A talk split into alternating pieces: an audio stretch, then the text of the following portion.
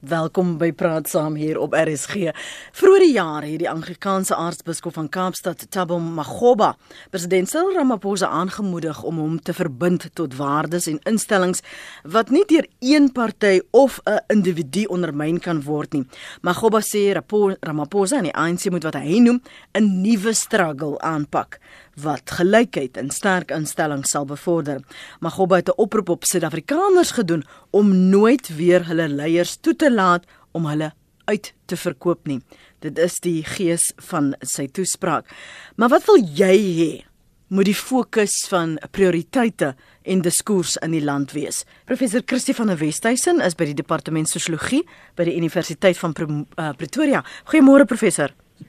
Môre net, lekker om saam met jou en jou luisteraars te wees. Baie dankie Quentin Adams, is 'n opvoedkundige sielkundige wat navorsing doen oor verskillende sosiale kwessies. Hy sluit ook by ons aan. Môre Quentin, welkom.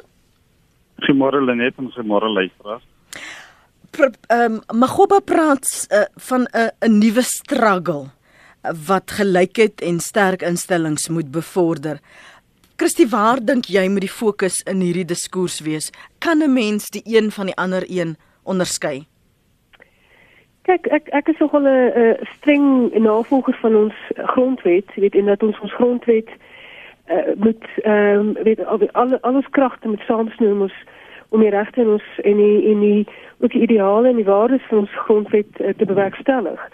En in in in daardie in die grondwetlike is die die ehm op menswaardigheid, die reg op vryheid en die reg op gelykheid is die drie belangrikste regte en die konstitusionele hof het ook deur hulle regspraak oor die jare bevestig uh, dat dat hierdie die drie belangrikste regte is.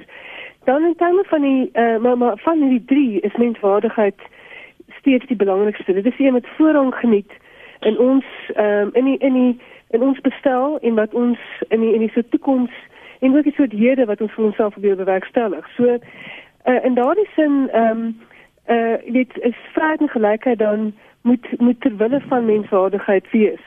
En daarom sal ek byvoorbeeld nie uh, as dit kom by vryheid en geregtigheid, jy weet, sal ek nie wil wou onderskeid ehm um, tref dit nie twee ek dink dit is interafhanklik. Hmm. Ek dink ook dat dat as jy kyk na die regte van vryheid en gelykheid, daar daar regte is ook interafhanklik van mekaar.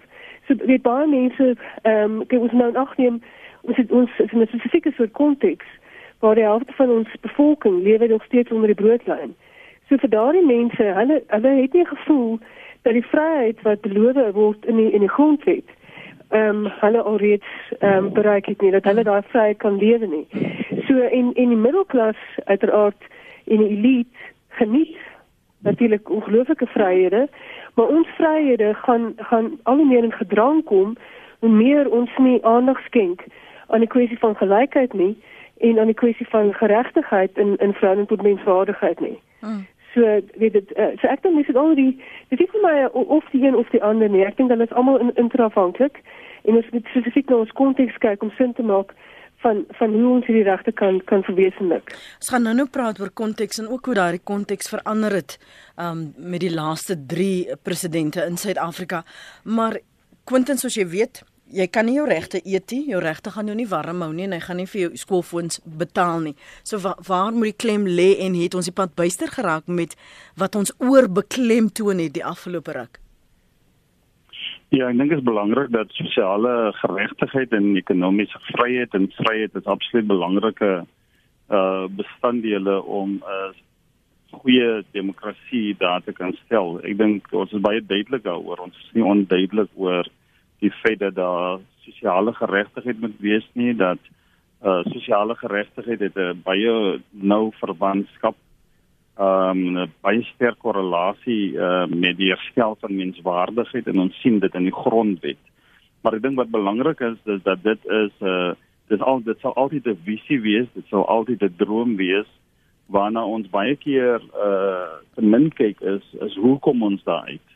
Ek dink dit is belangrik dat ons uh, sekere middele moet hê en een van die middele wat ons moet gebruik is natuurlik dat jy 'n gesonde uh ekonomiese en uh, demokratiese bestel moet hê om te verseker dat ons daar gaan uitkom. Maar ek dink wat vir my nog meer belangriker is, is nie net dat ons daar moet uitkom nie en ons sien hierdie protesoptogte en ons sien hierdie hongersnood in die land en ons sien hierdie ellende waarin mense lewe en wat vir my al meer belangrik is is wie is die mense wat dit moet dryf en wie is hierdie hmm. mense wat moet verseker dat ons wel daar uitkom en dit is vir my 'n groot leemte op hierdie stadium in ons land want ons is baie duidelik dat sosiale geregtigheid moet plaasvind want die die teenpool van sosiale geregtigheid gaan net verdere uh, reperkusies hê in ons land en ons sien die armoede en ons sien hierdie geweld en hierdie gewelddadige misdaad wat ons het wat 'n simptoom is van die feit dat daar nog nie sosiale geregtigheid en ekonomiese vryheid vir mense is nie. Maar ek dink wat vir my belangrik is is dat as ons weet waar ons op pad is, dit is wat ons wil bereik. Dit is wat die grondwet sê ons wil bereik. Dan is dit baie belangrik dat ons die die middel moet hê. Ons moet die ons moet in die regte bus klim. So dit beteken ons moet die die beste ekonomiese planne met ons uh, in plek het. Ons moet die beste sosiale programme hê. Ons moet nie skroom om sekere goed wat nog nie afgehandel is in die nuwe Suid-Afrika om dit aan te spreek nie. Maar ek dink wat belangrik is is wie is die busbestuurder? Wie is die persone wat dit moet dryf? En ons sien op hierdie stadium dat uh, daar groot krisisse is in ons politieke uh partye en veral in politieke leierskap is daar groot groot uitdagings en daarom is dit belangrik dat dit is belangrik ons ons ons moet dit bereik ons moet dit vinniger bereik die ongelykheid in Suid-Afrika is die hoogste in die wêreld en uh, daar's nog nie sosiale en ekonomiese geregtigheid vir mense nie maar ons moet die middele kry. En ons sien ons ekonomie die afgelope jare gesukkel het. Uh, uh, ons het van van junk status het ons gepraat. Ons moes gekeer dat Moody kom dan ons was baie bekommerd oor wat besig is om te gebeur. En en dit beteken die middele is nie in plek nie. En en daarom is dit belangrik dat ons oor die middele moet praat oor hoe gaan ons daar uitkom Wat is die rol van die regering? Wat is die rol van die president? Wat is die rol van ons uh, ekonomiese beleid? Uh gaan ons ekonomiese beleid wat in stand het en is daar ekonomiese beleid wat seker maak dat daar 'n deursyfer uh benadering is dat die dat die mense wat op die grond is, die mense wat vir wie dan nog nie sosiale geregtigheid gekom het, dat hulle dit begin te voel. En daarom is dit belangrik dat ons krities moet kyk aan aan aan die president was nou op hierdie roete om 1.2 triljoen rand te gaan mm. soek wat hy oor 5 jaar wil kry. En hy hierdie nuwe hy wil dit baie van die geld wil in energie spandeer. Maar my vraag is van daai energie uh daai geld wat hy gaan haal, gaan dit 'n deursyfer uh effek hê om seker te maak. Want aan die einde van die dag sê die sê die grondwet dat geregtigheid en sosiale geregtigheid en vryheid is 'n so kern van ons uh grondwet gaan hierdie middele wat ons tans het, gaan dit verseker dat dit deursyfer En dan baie belangrik is die busbestuurders. Wie is hierdie uh, leierskap? Wie is hierdie party politieke leierskap?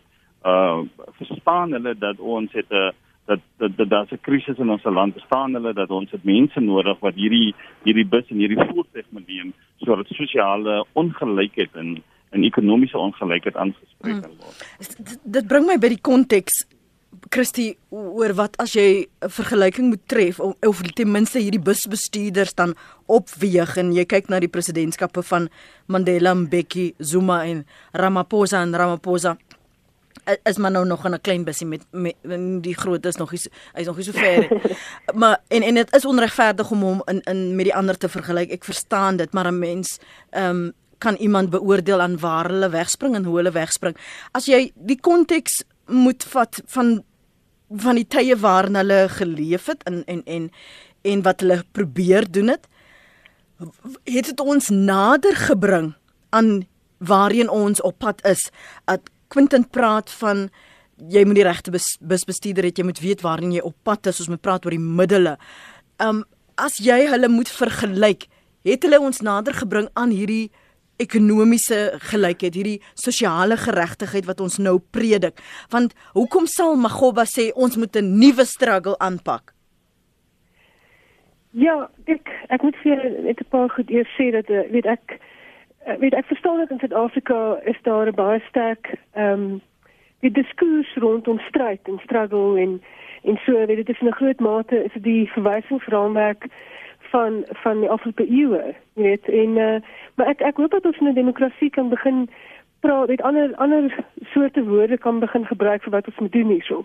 En vanaand goed, dit gaan oor uitreiking en en opbouing en en weet konstruksie en en so aan, jy weet, hoe kan ons dinge beter maak, jy weet? En ehm um, dit hoef nie altyd 'n 'n stryd te wees. Dit hoef nie altyd 'n struggle te wees mhm. nie. Jy weet, so hierdie met uh, gegee ook het ons so gewelddadige samelewing is, dink ek is nogal ongelukkig dat ons hier oorlogs tipe metafore altyd gebruik vir wat ons moet doen, jy weet, oorlogs weet 'n war room en sulke tipe van goed. Jy weet so vir my met dit sien net kyk na ander woorde wat meer gaan oor ontwikkeling, wat meer gaan oor oor medemenslikheid, ehm um, oor hoe hoe smee ons weer ons hoe, hoe begin ons daai sosiale bande te smee wat wat deur eeue van van kolonialisme en apartheid ehm um, verongeluk is. Jy weet so so net net dit tersyde. Ehm um, jy weet uit, uit, uit, uiteindelik ehm um, weet ehm um, dink ek dat as ons kyk na na ons verskillende presidente die verskillende presidentskappe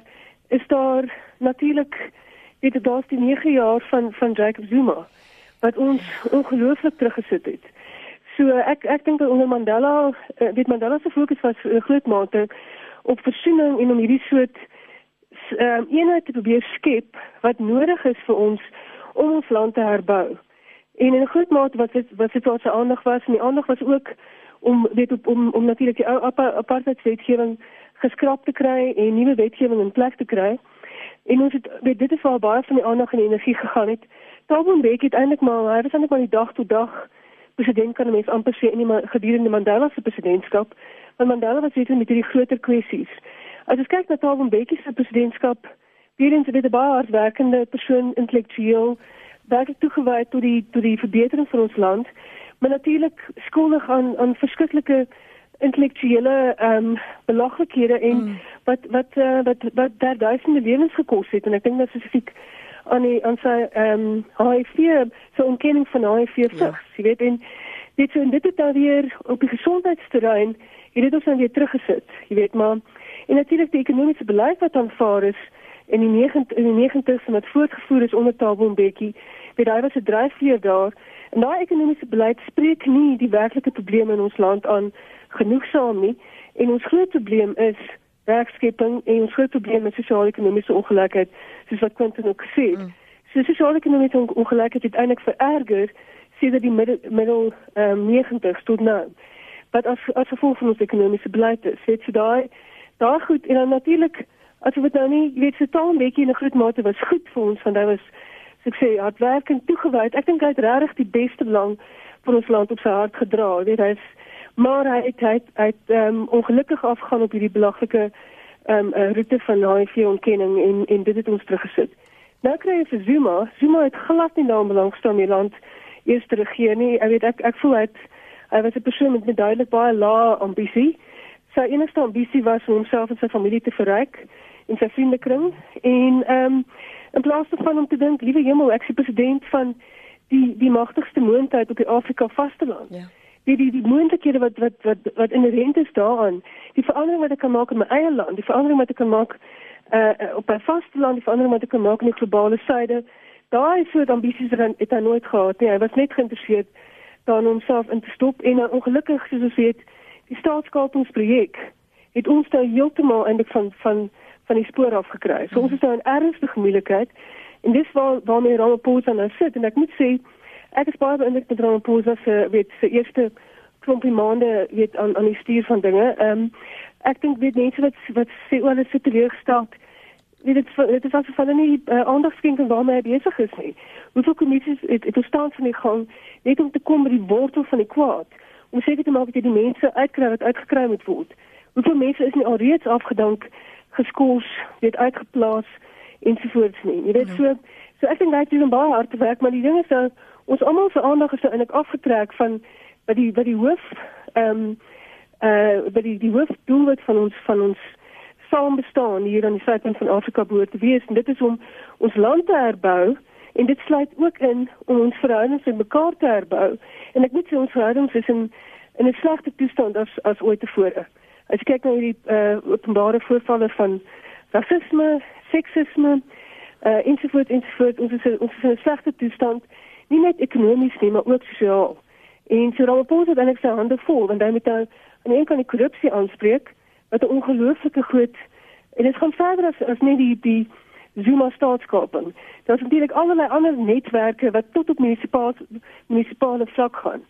So dis 'n ongelooflike groot taak en dit beteken mens kan nie eintlik uitkom by die werklike groot ehm um, kwessies wat ons in die gesig staan nie. Kom ek lees intussen wat sommige van julle skryf. Hy, my naam is Shane. Ek dink geregtigheid want ons almal het die reg tot vryheid en gelykheid, maar in vandag se lewe word dit nie raak gesien nie want ons land gaan vinnig agteruit. Heidi op Palaborwa sê ongelukkig kan jy nie ekonomiese gelykheid kry sonder geregtigheid nie, want geregtigheid moet geskied om ekonomies gelyk te kan wees. Albei is afhanklik van mekaar. Christof van Brit sê geregtigheid en daarmee saam ook respek, eerlikheid, dan glo ek sal al die ander dinge begin in plek val. As ons mekaar vrees, hoe kan ons dan saamwerk? Nog 'n luisteraar sê ek wil hê daar moet geregtigheid geskied. Daar is nog te veel onreg in ons land. Ons president moet beslis daarna kyk. Werk is 'n groot kopseer. Ek werk self nie. Rita sê weer hier, ons het die pad byster geraak toe ons gedink het die regering gaan armoede uitwis. Almal moet verantwoordelikheid neem. Vroue, tieners, moenie kinders hê vir wie hulle nie kan sorg nie. En nog een sê almal is so bang om te sê dat totale oorbevolking die oorsaak is van die meeste van Suid-Afrika se probleme. Kom ons veronderstel Quentin ons bly by jou metafoor van 'n bus en die busbestuurder en ons moet weet in watter rigting en watter baan ons dan nou gaan ry. Ons veronderstel as padwerke en ons trek gou af. En as 'n rede hoekom ek vir julle vra om vir my te sê wat die gevoel is wat julle op die grond sien en hoor in gesprekke met die middelklas, uh die armes.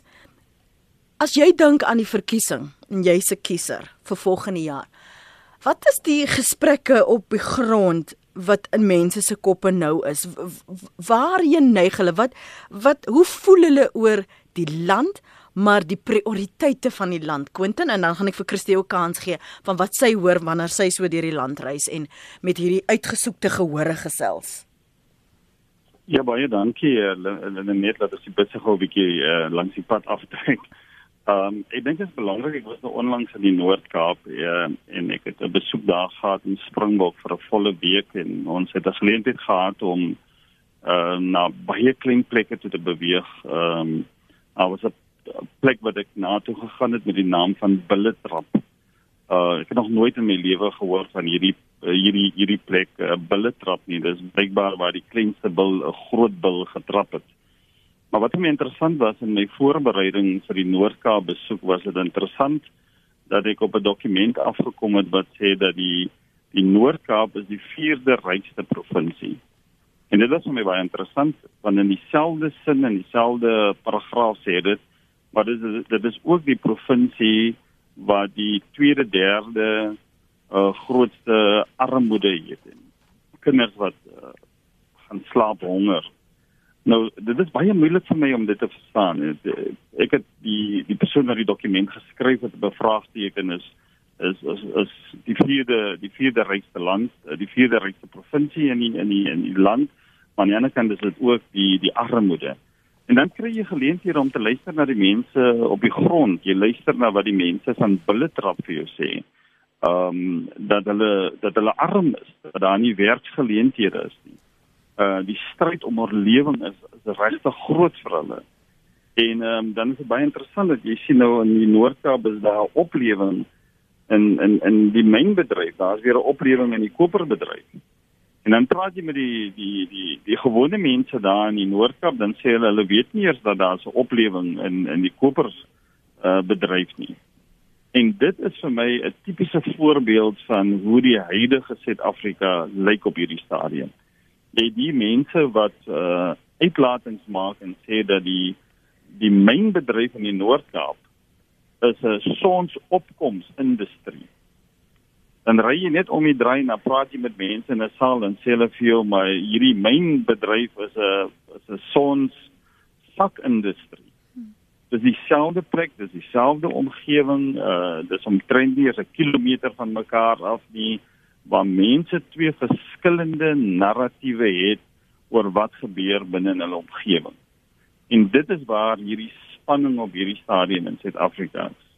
En ons sien dit aan die een kant het mense nie eers kennis oor wat gebeur in hulle in hulle omgewing nie. Hmm. Hulle is ekonomiese vreemdelinge van hulle van hulle eie omgewing.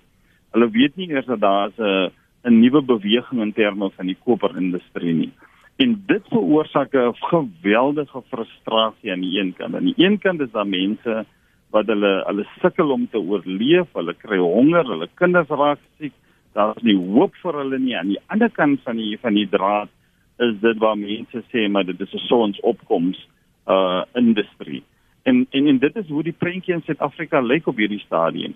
En daarom is dit vir my belangrik dat jy jy het nou politieke leierskap. Jy het iemand nodig wat wat wat wat hierdie uh brug en hierdie skeiding met heeltemal veroorsaak. En dit is vir my skokkend en ek was op 'n op 'n plek gewees waar die mense met skarrel vir 'n vir 'n 'n trok wat wat wat ou kos kom aflaai. Sure. En aan die een kant is mense baie opgewonde oor hierdie jy sien vliegtye sak, jy sien mense wat opgewonde is oor hierdie oplewing. En dit is die karakter op hierdie stadium van Suid-Afrika en dis hoekom ek sê altyd dat Suid-Afrika is 'n is 'n rustelose nasie. Want wat gebeur is die die onderskeid tussen arm en die onderskeid tussen ryk en en ek praat ook van buitelandse mense wat in ons land kom. Buitelandse mense wat hierdie geologiese ondersoeke doen en hulle begin uh myn uh permitte kry hulle en hulle is besig om te ontgin en ons aan die ander kant en 'n groot populasie van die mense aan die ander kant is in onkunde en hulle sukkel om te oorleef. Hulle kinders kan nie universiteite toe gaan nie. Hulle kan nie hulle kinders skole toe neem nie. Daar's skole wat sukkel met busvervoer. Daar's skole wat sukkel met met met, met sale. Hulle sukkel met kos. En, en en en dit is die spanning wat ons het op hierdie stadium. En daarom is dit vir my belangrik dat dat daai uh, spanning en daai gehoor van die mense aan die ander kant is raak al hoe groter. En dit is waar my teorie altyd kom van die frustrasie aggressie hipotese. Mense raak gefrustreerd want dinge gebeur eenvoudig net nie vir hulle nie. Maar aan die ander kant sê mense dis is dis is ons opkomsindustrie. Ja. Hoe is dit moontlik dat in een plek sê mense dis 'n sonsopkomsindustrie en aan die een kant sê die mense Goed. dis 'n sonsondergang uh industrie. En dit is die realiteite van Suid-Afrika. En op hierdie stadium is dit vir my belangrik wanneer ons na 'n verkiesing moet gaan dan moet daar ten minste 'n politieke leier wees wat verstaan die dinamiek. Ehm um, ek het met van die politieke leiers gepraat en hulle verstaan nie die eh, dinamiek nie. En daarom is dit vir my belangrik dat ons ehm um, leiers het wat wat wat wat groter kennis het. Hulle moet ekonomiese kennis hê, hulle moet ekonomiese groei met hulle verstaan. Ons kan nie net meer staan op uh, leiers wat populistiese uitsprake mm -hmm. maak in die verkiesing nie. Mm -hmm. Ons het mense nodig wat die sosiale kwessies moet verstaan, wat 'n dieper analise maak van die sosiale kwessies. As hulle nie mense, as hulle nie self dit kan doen nie, dan moet hulle kundige mense. Goed. Maar ek dink dit is belangrik dat ons beweeg in 'n tyd waar mense wat in leierposisies moet 'n grondige kennis hê oor wat is die ekonomiese roete, wat is die ekonomiese model, wat is die ekonomiese groei model sodat ons die sosiale geregtigheid vir al die mense kan bevestig en dit is wat vir my absoluut belangrik is. Dit die een moet 'n brug wees tot die ander een. Christie uh, van jou ervaring, wat sien jy want as hy praat van kennis wat ontbreek dat mense ekonomiese uh, vreemdelinge voel in binne een area, dis so teelaarde vir uitbuiting vir populistiese uitsprake vir ons gaan alles moontlik maak. Ons moet net op hierdie roadshow gaan en dan kom ons by jou dorp en dan sing ons 'n paar koortjies en dan beweeg ons aan. Maar niks verander nie. So wat is die gesprekke wat jy hoor in die punte eh, met aan die ander kant van van die land? Ja ja. Uh, dankie net ek dink ek kon toe ehm um, uh, ek ek het baie fascinerende goed ehm um, gesê daar en dit klink ehm um, vir my ehm um, weet as dit duidelik was spreek tot hierdie weet tot die grootskaalse sosiale vervreemding wat 'n mens tans optel. Nou ek het nie so seer weet as, as akademikus en navorser en skrywer het ek nie my oor so op die grond nie, maar weet ek beweeg in in um, ruimtes weet waar weet waar mense weet uh, openbare gesprekke het, openbare debatte en dialoë en so aan en in daardie soort ruimtes wat mense optel, so dis dan meer middelklas ruimtes is daar is daar ook 'n soortgelyke soort vervreemding, 'n gevoel van 'n gegriefdheid, ehm um, 'n onvergenoegdheid. Ehm um, dit is dis um, daar's 'n gevoel dat dat mense voel individueel en kollektief te nagekom. En weet jy daar's 'n algehele so vanaf 'n wrevel en 'n 'n ongelukkigheid wat die mense baie sterk optel. En dit is ek dink in 'n groot mate dit te doen met die feit dat ons reg ehm um, dit gaan nie eens so krisis op krisis nie. Ons is ons is op enige enige gegeewe oomblik is ons en en 'n klomp ehm um, krisisse wat te gelyktydig om ons aan die gang is, jy weet. En ja. ehm ja. um, en een van ons groot probleme hierso wat ook geen hoop ek dink skep vir vir enigiemand nie, is dat ons ons sit met 'n politieke elite wat ongelooflik selfsugtig is, ongelooflik kortsigtig is. En as ek sê politieke elite, dan bedoel ek nou regtig almal van al die al die partye. ANC, DP, ag DP, ag wat as ek nou sê, DA, DA. EFF, ehm um, die hele lot van hulle. UDM ehm um, die die feit van die saak is is dat hierdie mense met hulle ehm um, eh uh, uh, belangrike speletjies wat hulle besig om te speel, byvoorbeeld nou in die metro's in in Swane en Nelson Mandela Bay en nog miskien iets aan ook in in Johannesburg gebeur op stadium. Weet wie die, die speletjies natuurlik die DA se belangrike situasie in die Kaap met presies presies op die law maar ons het nog steeds nie weet hoekom die vrou uitgeskuif moes geword het nie.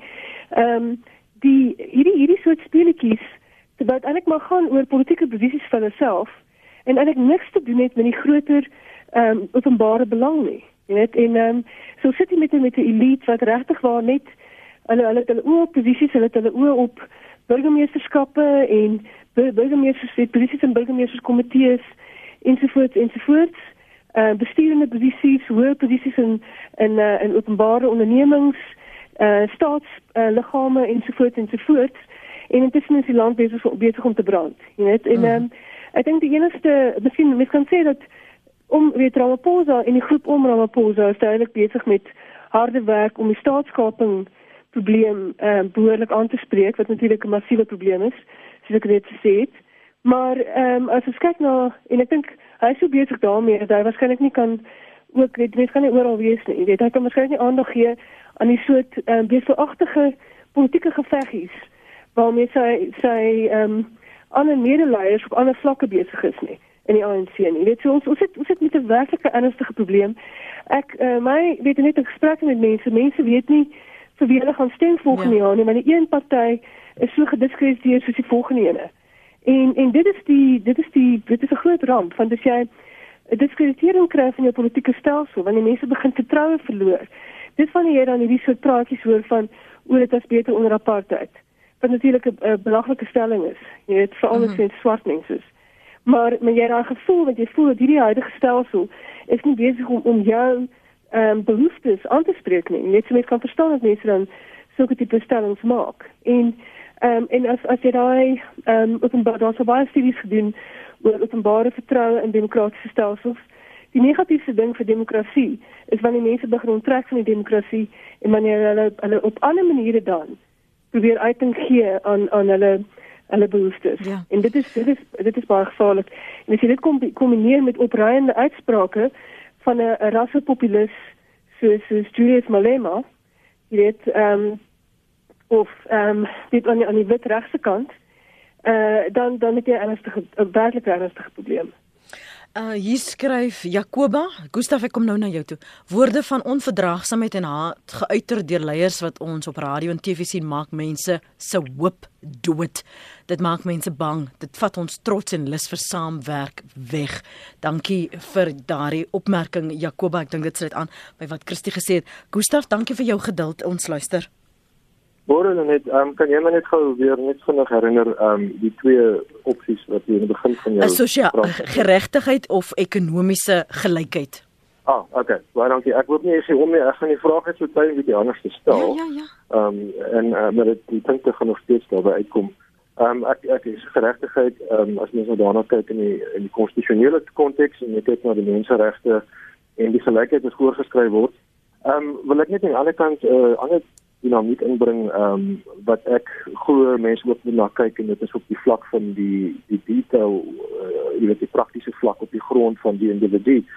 En daar sal ek waardes graag wil voorskryf ehm um, van verantwoordelikheid, regte en pligte. Ehm um, die eenvoudige rede hoekom ek dit sê is dat ehm um, as mens kyk na mense en hulle keuses ehm um, is dit baie keer die geval dat 'n persoon om vind in 'n situasie of bevind in 'n situasie waar hy sou vaat is van die keuses wat hy gemaak het in die lewe.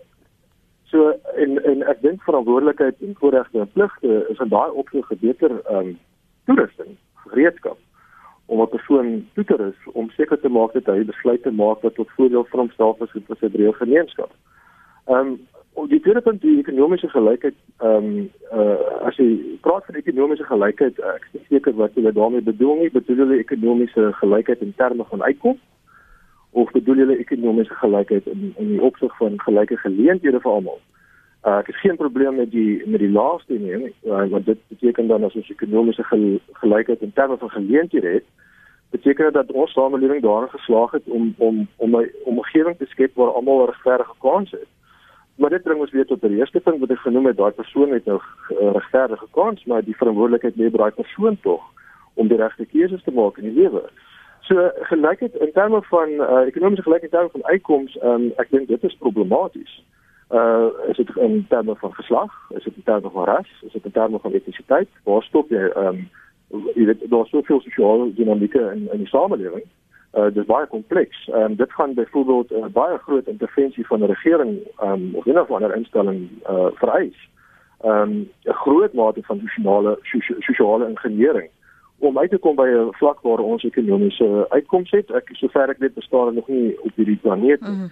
En dan ehm um, ja, uh, historiese uh, jy weet as mens vandag kyk na die ekonomie en jy kan duidelik sien daar's daar's armoede probleme in die land. Ehm um, word dit telkens en ek het nou sopas weer verneem dat historiese ongeregtigheid word voor daai redes geplaas en dit is inderdaad so. Maar dis nie die enigste rede nie. Want weer dan sê dit aan by my eerste punt van verantwoordelikheid voorregte en pligte.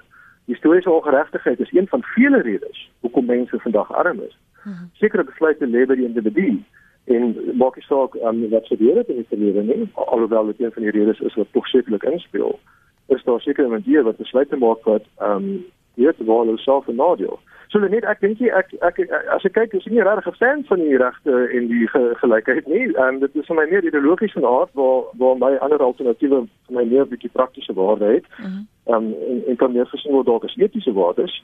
So ek dink op 'n dag moet 'n uh, individu probeer om toe te rus uh, met gereedskap om besluite te kan neem wat tot op hom tot sy voordeel is, tot sy familie se voordeel is, tot die Hebreë gemeenskap se voordeel is.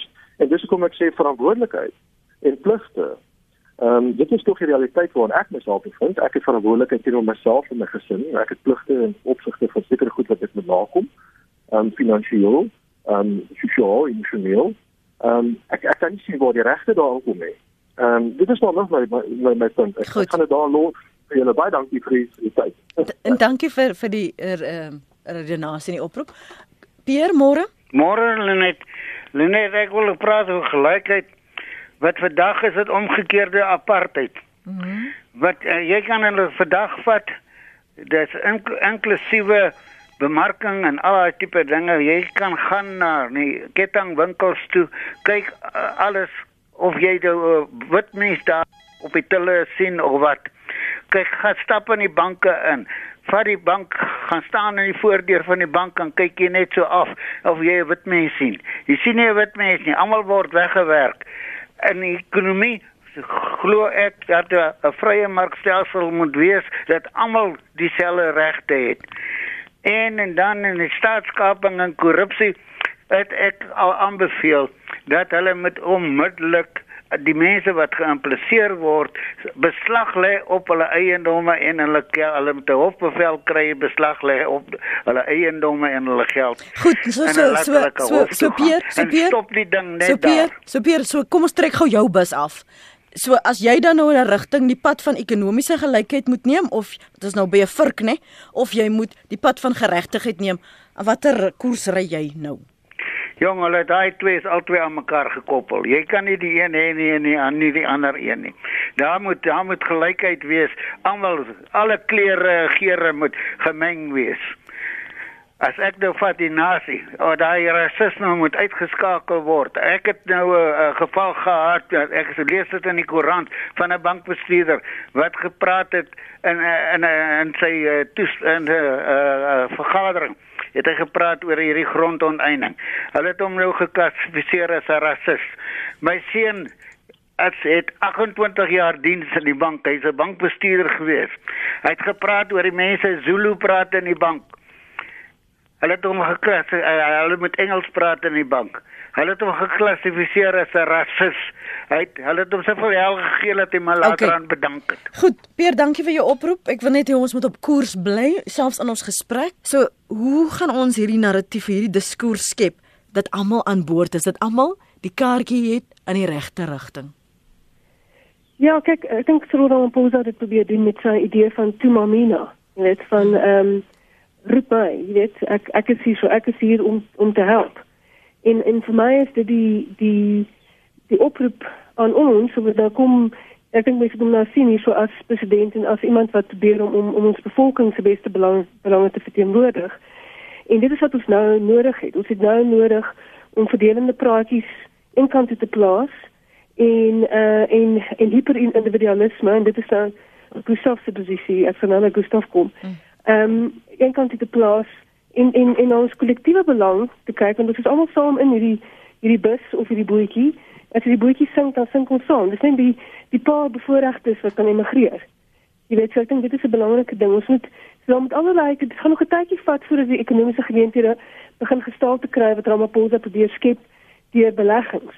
Ehm um, so intussen moet ons almal almal moet eintlik 'n busbestuurder word en almal moet dink, hoe kan ek my onmiddellike omgewing beter maak op alle vlakke, of dit nou sosiaal is, finansiëel vir ander mense, vir myself ensovoorts, jy weet. Ek het net gou gepraat ook met Gustaf.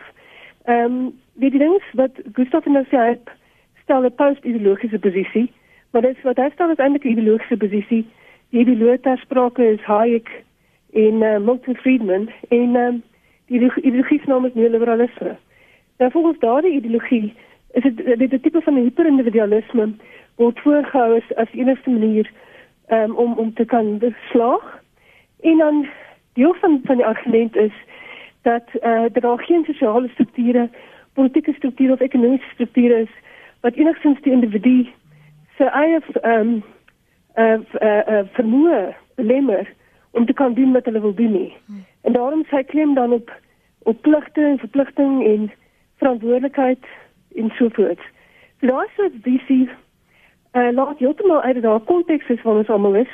Daar's strukture waar ons almal opereer. Daar's goed so sosio-ekonomiese ongelykheid. Daar's uh, geslagsongelykheid. Daar's rasseongelykheid. Dis eintlik hoekom ek ook dan nie uh, ras en geslag wil wil eie nie as as werklike strukturele faktore nie. En uiteindelik moet ons moet ons dink wat wat sê dit as ons sê dat 'n gelyke samelewing is onmoontlik? Want dit is basies wat wat daar se posisie, die Gustav se posisie voorhou. Jy weet so ons het in ag geneem met in die in Europa en die vorm van die van die welvaartsstate is daar wel 'n groot mate van sosiaal-ekonomiese gelykheid bereik onder ander ideologie genaamd Keynesiaanse kapitalisme. So wat hy wat Gustav voorstel is nie liberale kapitalisme en ons Keynesiaanse kapitalisme wat 'n ander soort pad volg en wat sosiaal-ekonomiese gelykheid in die hand werk. So so ons moet ons moet dink daar's verskillende ideologiese opsies. Ons moet nie onsself net vasmaak aan een ideologiese opsie nie. En definitief ek sou ook sterk aandring daarop dat ons onsself nie vasmaak aan 'n aan 'n ideologiese opsie hmm. wat ons eintlik van mekaar afskei wat die hyperindividualisme voorstel. Ehm um, en en waar ons nie kollektief dink aan die groter belang van ons almal ook ook as individue in die groter kollektief nie. Hmm. Quentin, ter afsluiting? Ja, ek dink dit is belangrik Lenet dat daar baie prioriteite waarop ons moet fokus tans en ons groot uitdagings wat ons bedoel. Maar ek dink aan my gesprek nou onlangs verlede week uh, wat ek met 'n oom gehad het onder die kokerboom.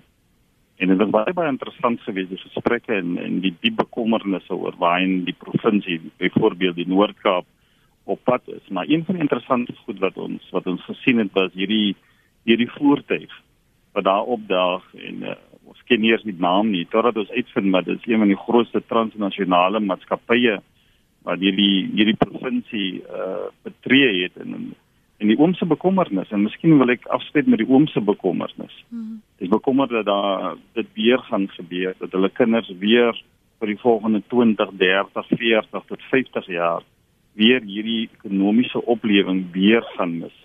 Net dit is belangrik as ons besef uh, dat daar is 'n groot globale uh handelsoorlog aan die gang in die wêreld. En en, en ons is nie 'n eiland in Suid-Afrika nie. Ons gaan ons gaan seer gemaak word deur hierdie globale ehm um, handelsoorlog wat tans gebeur tussen China en Amerika en al die ander lande. En as gevolg van die afwesigheid van hierdie bilaterale ooreenkomste sien ons reeds hierdie verskynsel van hierdie transnasionale maatskappye wat in ons land inkom en hulle stroop ons uh, ons rykdom, hulle stroop dit wat in ons land is en ons laat dit toe en daarom kry ons hierdie verskynsel van die zamazamas en dan 'n uh, klinsie op hierdie stadium waar mense skarrel in die nag, waar mense hulle lewens verloor. Ek dink dis 'n baie goeie uh um gevalle storie om te besef die hulpkreet en die nood wat die het, wat die mense daar het. Hulle hulle hulle hulle veg vir oorlewing en en ons het onlangs gehoor van drie lewens wat verloor is. Ja. Dat uh, daar kom stories uit dat die mense grawe in die nag, hulle grawe onder die huise. En dis 'n dis 'n groot hulpkreet en dis 'n dis 'n desperaatheid. Hulle sê dit lyk soos 'n 'n klein Kimberley, soos Kimberley begin het in die verlede. En hoekom is dit dat 200 jaar daarna dat dat die inwoners van hierdie land nou weer moet skarrel soos die mense in Kimberley destyds ehm um, gesoek het na hierdie diamante. Dit wys net weer eens dat mense word uitgesluit, mense word sosiaal uitgesluit, mense is nie deel van hierdie ekonomiese vooruitgang nie en dan kry ons hierdie verskynsel van mense wat onwettig begin te optree en ons sien dit reg hoor. Maar in die woorde van hierdie oom onder die kokerboom verlede week het hy gesê, gaan ons dit weer mis. Gaan dit weer wees dat 'n generasie uh van ons mense vir 100 jaar weer gebuk gaan onder die ellende en die armoede. En en daarom is dit belangrik dat ons 'n uh, beroep op partyleiers moet maak. Ons moet weer opnuut kyk na politieke leierskap. Politieke leierskap wat sosiale uh, kwessies moet verstaan, dat weet hoe om dit aan te spreek en baie belangrik. Ek dink ons moet verwag nou in in in in 2018 dat die politieke leierskap moet die ekonomie verstaan. Hulle moet nie net die plaaslike ekonomie verstaan nie. Hulle moet nie net weet hoe om stemme te gaan haal nie, maar hulle moet verstaan hoe werk die transnasionale maatskappye wat van buitekant afkom en ons areas oorneem. Hulle neem die minerale oor, hulle sonkrag en ons mense aan die ander kant sterf van ellende en hulle moet skarrel vir hierdie uh, diamante en hulle sterf van en wat gebeur dit gaan oor oorlewing en daarom dink ek is 'n belangrike gedeelte met die verkiesing wat wat wat voorlê en ook belangrik om sosiale geregtigheid te vestig. En sosiale geregtigheid uh, geregtigheid en ekonomiese gelykheid is nog steeds die is die steeds die doelwit waarna ons moet bereik. Goed. En daarom wil ons graag hê dat dat dat party politieke leierskap moet dieper wees. Ons soek hulle skerper, ons soek hulle dat hulle moet seker maak van die van die behoeftes van die mense op die grond om seker te maak dat daai brug kan plaasvind tussen hierdie transnasionale maatskappye wat ons ons land kom stroop en die mense se uitdagings in ons gemeenskappe sodat ons se kinders 'n soliede en goeie opvoeding kan kry sodat hulle ook uh uit die armoede uit kan kan ontsnap. Dankie Quentin Adams en professor Christie van der Westhuizen vir julle insette vanoggend en ek wil afsluit met my inleiding vanoggend. Vroeger die jare die Anglikaanse aartsbiskop van Kaapstad, Thabo Mgauba, president Cyril Ramaphosa aangemoedig om hom te verbind tot die waardes en instellings wat nie deur een party of 'n individu ondermyn kan word nie. Hy sê Ramaphosa en die ANC moet wat hy noem 'n nuwe struggle aanpak wat gelykheid en sterk instellings bevorder en 'n oproep op Suid-Afrikaners gedoen om nooit weer hulle leiers toe te laat om hulle uit te verkoop nie. Stof tot nadenke.